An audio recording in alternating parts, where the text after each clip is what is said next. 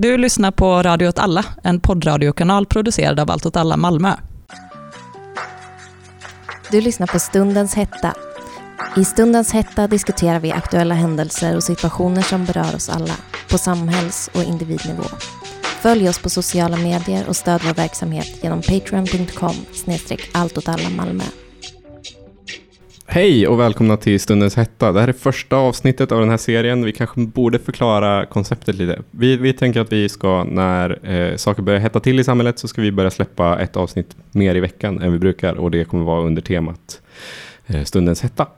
Så vi ska försöka släppa på kanske lördagar eller söndagar varje vecka och just nu det som är hett är eh, den rådande pandemin. Jag heter Kalle, jag sitter här med Lucy, Hanna och Martin. Hej hej! Hallå hallå! Hej! Så idag ska vi prata om covid-19 och den pandemi som just nu råder. Jag tänker att ingen lyssnare inte vet vad det handlar om riktigt, men det kan ändå vara bra att köra någon slags recap. Martin exempelvis, du, du har väl väldigt bra koll. Du kan ge en snabb, snabb sammanfattning av vad covid-19 är för någonting. Covid-19 är en eh, världsomfattande pandemi som är en infektionssjukdom som eh, sprider sig mellan människor i ganska snabb takt. Just nu tror jag vi har över en miljon smittade faktiskt i, i världen. Det är ett, någon form av rekord. Eh, 52 000 döda och det finns i i stort sett alla länder i världen. Eh, och i Sverige så är det framförallt Stockholm som blivit väldigt hårt drabbat av när alla de här skidresande mellancheferna kom hem från Italien och, och spred covid-19 till alla sina äldre släktingar. Eh, så det är framförallt Stockholm där det är en, en stor eh, samhällsspridning. Men det finns ju överallt i Sverige. Och eh, de alla åtgärder som våra lyssnare antagligen känner till har ju drabbat oss alla, inte bara stockholmarna, tyvärr. Då tänkte jag att vi skulle kunna börja med att prata hur den här pandemin har påverkat oss mer personligt. Ja, jag har faktiskt inte blivit jättepåverkad av den. Eh, förutom att jag är studerande och eh, nu har distansundervisning.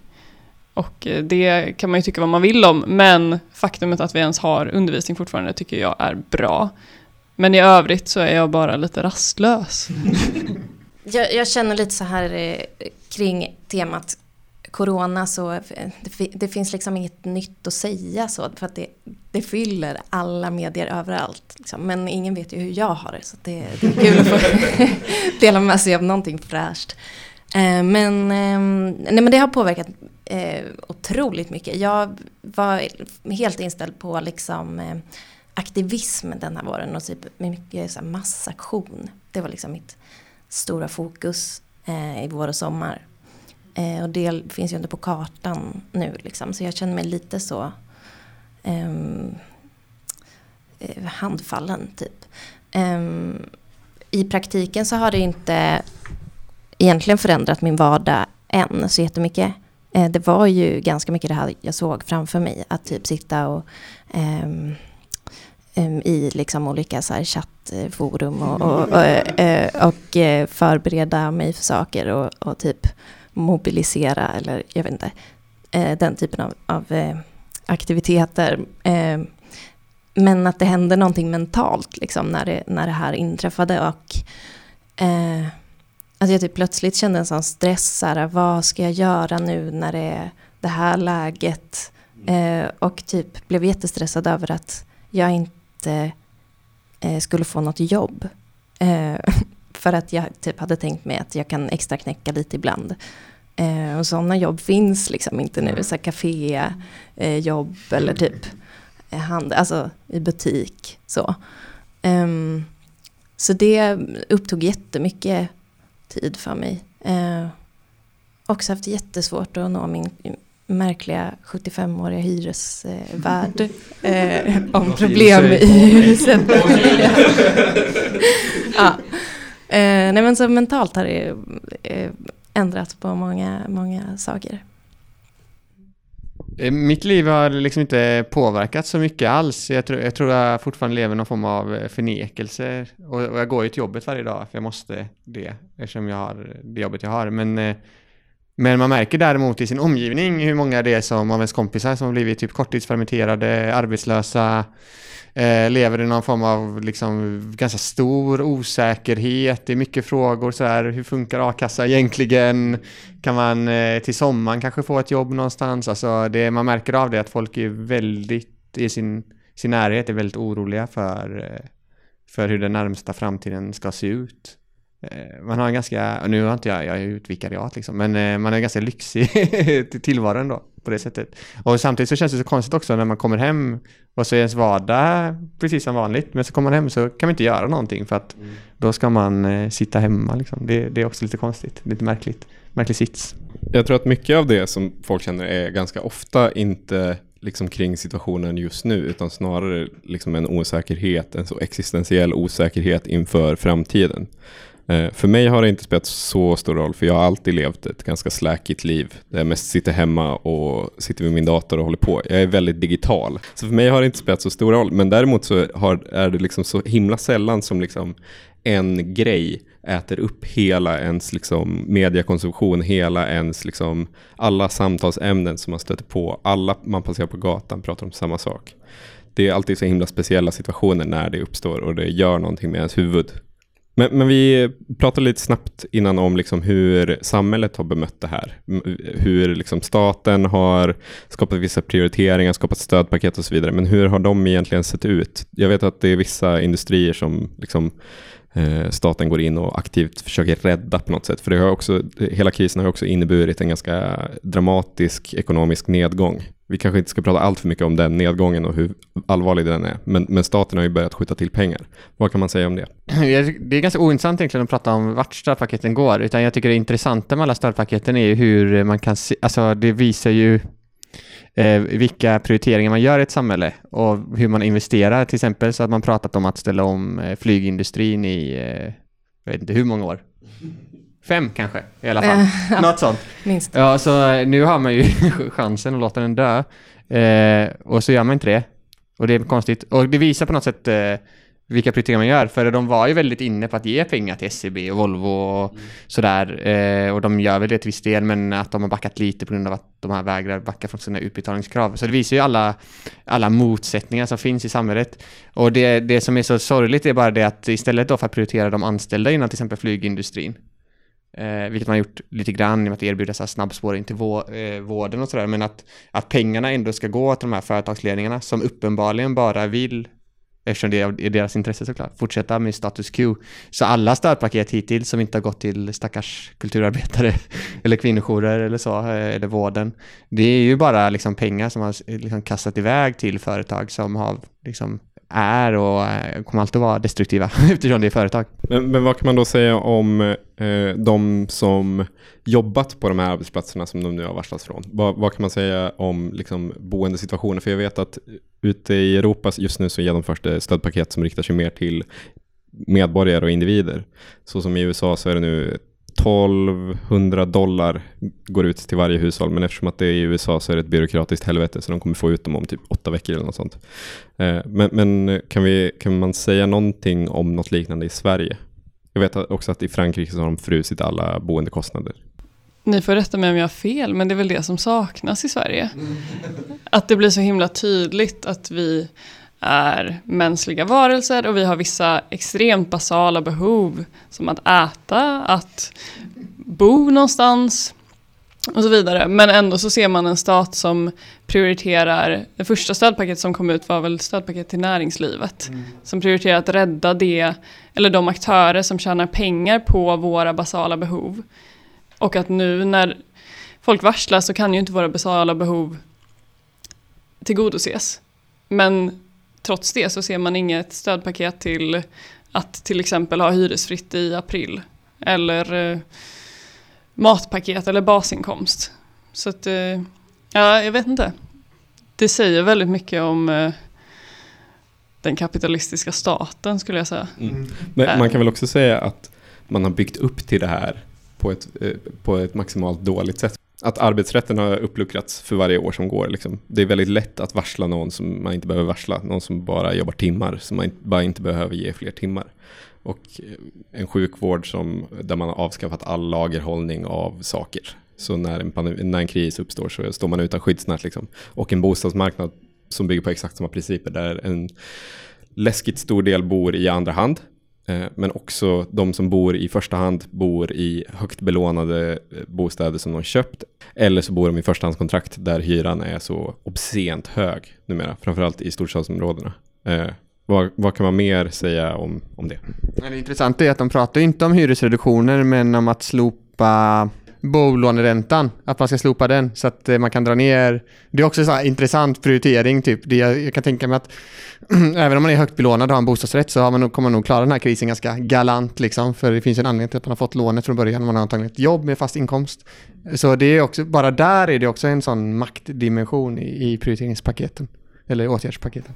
Det, blir- det är också väldigt tydligt att det är, eh, eller de här sociala orättvisorna i, i samhället, att det finns liksom att det finns ingen plan för hur man, hur man löser typ situationen för, eh, för eh, hemlösa eller för eh, asylsökande eller eh, nej men att det är liksom verkligen så här prekariatet också som, som drabbas mycket hårdare än, än anställda på Volvo eller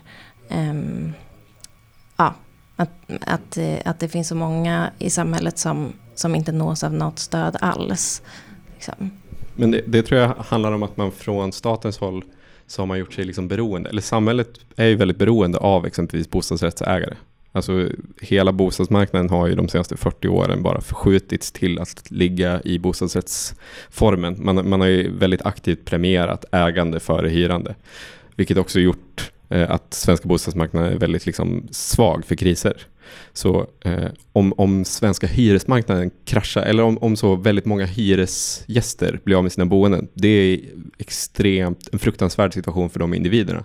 Men från, ett, från den liksom, vad ska man säga, eh, suveräna staten så blir det, blir det sekundärt. För det fin- vi har samtidigt byggt upp hela vår ekonomi kring att folk ska vara belånade för sina boenden och kunna betala dem hela tiden. Eh, Men det är också de här grupperna som, de här grupperna som du pratar om, han har också så här osäkert anställda, immigrantarbetare, hemlösa, så de är också en väldigt viktig del av samhällsekonomin. Men de finns ju också till för att de ska kunna vara så eh, flexibla som möjligt så att man ska kunna pissa bort det vid kris liksom. För jag vet att i Volvo så har de korttidspermitterat väldigt många, men de allra flesta eh, inte alla flesta, men många som jobbar på Volvo i Göteborg till exempel har ju eh, är ju via bemanningsföretag. Så de fick ju gå först, men det är ingen som pratar om de anställda, det är ingen som ger dem stödpaket, utan de fick ju gå hem på en sån minimumlönsnivå tills de fick sparken i slutet av månaden liksom. Så, och så samtidigt har man gjort sig beroende av så här jätteflexibel arbetsstyrka som bara kan slänga iväg.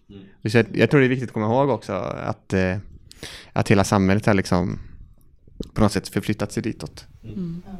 Men också, jag tänker på vilka röster som får höras. Att här, de vi pratar om, hemlösa eller asylsökande eller folk som har osäkra anställningar, det är ju de rösterna som inte får höras när man ens diskuterar vem som ska få stödpaketen. Att även där så är det ju som en väldigt ban, liksom, banal analys, men att de rika är ju de som har makten att tala också i samhället. Så att, Ja men verkligen. Och, och stora företag är de som redan är organiserade på något sätt. Att, att så här, ehm, eh, alla, alla stackars jävlar som inte har ett jobb och, och, eh, och inga pengar liksom, och inga sam, sammanhang typ. Eh, eller som är mest socialt utsatta och ekonomiskt utsatta. Det är, det är ju vi höll jag på att säga för att jag själv, själv typ, tycker synd om mig själv. Men, men eh, att vi saknar liksom backning av någon. de har svenskt näringsliv. Ja, vi, vi behöver skapa ett svenskt näringsliv för de svaga och små. Ja, Det, absolut. Mm. Eh, men, men eh, samtidigt så har ju den här pandemin har ju också osynliggjort, som, som alla kriser så osynliggör det väldigt mycket liksom, eh, konflikter som redan finns inneboende i samhällskroppen på något sätt. Eh, så vad har den här krisen fört med sig som kanske inte är av ondo? Jag tänker ju spontant politisk opinionsbildning. Att nu, och det har ju funnits kvitton på det tidigare, men att nu blir det så himla tydligt att besluten som den blåa regeringen, den blåa politiken har tagit innan, som att privatisera, eller genomföra att apotek inte behöver ha ett uppbackat lager, att det får sådana enorma, eller så det är inte hållbart under en tid av kris. Det dödar människor. Alltså privatiseringar, nu kan man verkligen säga att privatiseringar dödar Ja, människor. på löpande precis. band. ja men och jag tycker tvärtom att det, att det mm, liksom, att andra saker åsidosätts så blir det väldigt tydligt med, med liksom vilken roll klass eh, spelar. Eller eh, det blir väldigt tydligt att så här, eh, när, när eh, stödpaketen liksom riktas eh, fel så, så blir det liksom eh, väldigt, väldigt tydligt för folk att så här, men vad, vad håller ni på med? När, när vi ändå måste rikta, rikta ekonomiskt stöd någonstans, varför kan vi inte bara göra det till liksom, hållbar verksamhet istället? Mm. Eller när, när nu Volvo ändå varslar liksom, sina anställda eh, så liksom se till att utbilda dem till något mm. an, eller inom något annat område eller så här, sätt dem där det behövs. Mm. Um, och att, att man liksom, allt blir väldigt, väldigt konkret. Typ. Jag, jag tänker att det är osynliggjort hela liksom den här faran i den kortsiktiga sättet att tänka som finns inbyggt inom liksom kapitalismen i sig, men också i den här nyliberala eh, ordning som vi har levt under ganska lång tid. Just att vi ska inte ha lagerhållning på apotek, men vi ska också inte ha Eh, fast anställda, utan vi ska ha korttidsanställningar eh, och vikariat och timanställda och så vidare. Men också kring eh, just, alltså generellt bara det här eh, just in time-tänkandet. Inte bara inom vården, fast där är det liksom absolut tydligast, men också inom liksom, eh, produktionen och cirkulationen av varor är det extremt tydligt. En stor del i varför vi nu har en brist på vissa produkter som är livsnödvändiga för vården, men också generellt en viss brist på liksom, konsumtionsvaror i vissa länder är ju för att eh, nu har vi gått in i en kris där det skapas ett litet avbrott i flödet av varor. Framförallt eftersom att krisen började i Kina, liksom, mm. där väldigt mycket varor produceras. Ett litet avbrott skapar enorma konsekvenser eftersom att allting alltid ska vara i rörelse. Men vi har också fått ner koldioxidutsläppen med 25 procent va?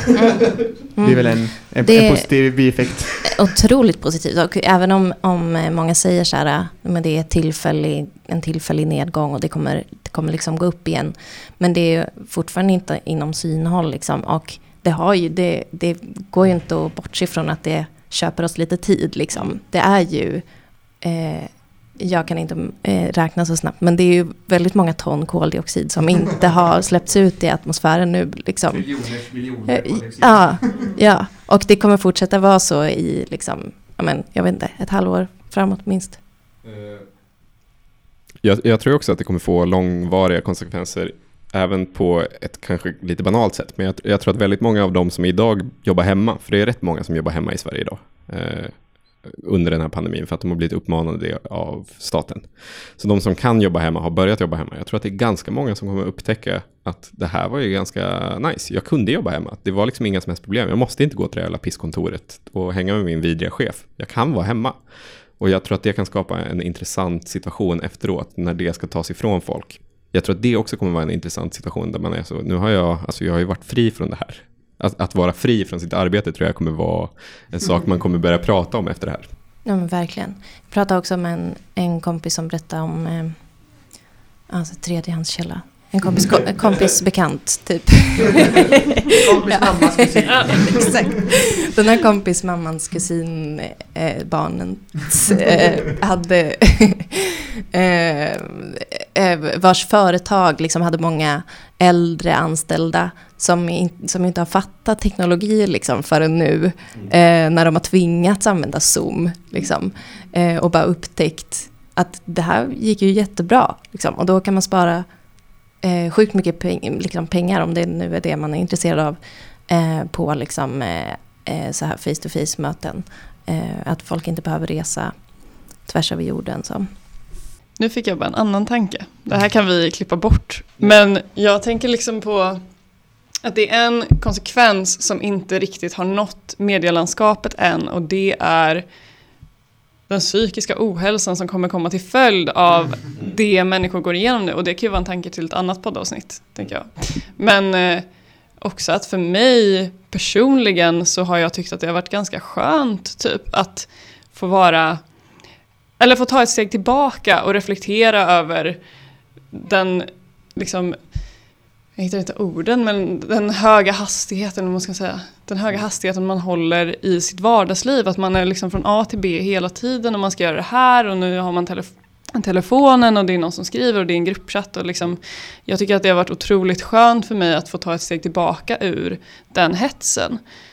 Samtidigt som det också är, alltså jag undrar om det här följden kommer bli att teknologin som sagt slussas in ännu mer i våra liv. För att det också är tidseffektivt att ha möten via Zoom. För att man inte behöver ta sig till mötet och ta sig hem igen.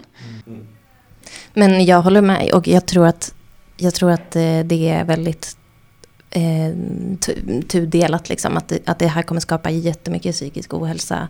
Eh, men, men jag tror att bara den lilla luppen luckan som, som har blivit nu har liksom eh, bidragit med en hel del eftertanke hos, hos folk. Att man, att man liksom faktiskt börjar fundera över så vad som är ens verkliga värden. Typ. Att man så här inser, som du sa, att, man, att många kanske för första gången tänker tanken att så här, men, det finns saker som är viktigare för mig än, än det här. Om, om vi nu alla sitter, om alla ska sitta hemma nu, är det någon som har något gött tips på sak man kan göra? Jag tänker baka ett surdeg exempelvis. Eller titta på någon god serie. Är det någon som har sett en bra serie den senaste tiden som de ville skulle kunna tipsa om? Tiger King, det är en skitbra serie om eh, tigeruppfödare i USA och de är helt sjuka i huvudet. Alltså, det finns inte en enda god människa i den serien. Hon som ska rädda alla katterna då. Hon är ju galen liksom. Antagligen misstänkt för att ha mördat sin man. Den huvudpersonen i serien är liksom spritt språngande, bara meth-addict liksom. Som typ utnyttjar olika unga män. Alltså det är så här. Det är verkligen ett bra tips. Jag har faktiskt velat se den. Så Ja. nu eh, ska jag gå hem och kolla på den. Dokument utifrån släppte en två delars dokumentär om Amazon. Om man vill Alltså spinna vidare, ja, Ja. om man vill spinna vidare lite på samhällskritiken. Man blir så fruktansvärt arg. Eh, ett annat tips är också att följa faktiskt alla arbetsstrider som, på tal om Amazon, som börjar. De har ju gått ut i strejk i dagarna på grund av sanitära. Jag vet att det pågår en del liknande i Italien. Och eh, också våra sjuksköterskor hemma har ju satt ner foten mot den dåliga skyddsutrustningen. Så det kan jag också rekommendera att följa det i flödet, för det ger en lite hopp. Men eh, jag tycker eh, överlag eh, att, eh, att ägna sig åt eh, bildning, typ. När, när man nu eh, inte får liksom, mötas i sina föreningslokaler och sådär. Eh, och liksom... Eh, Vi, vi sitter ju just nu i en föreningslokal. det, det visste ingen förrän du sa det. Eh, nej men, eh, nej men eh, ja, läsa, läsa bra litteratur och eh, artiklar och eh, så här, bli kunnig. Jag är lite besviken på att ingen sa Radio åt alla. Eh, men, men eh, ja, det är mitt tips. Tack och hej. Följ oss på sociala medier och stöd vår verksamhet genom patreon.com snedstreck allt åt alla Malmö.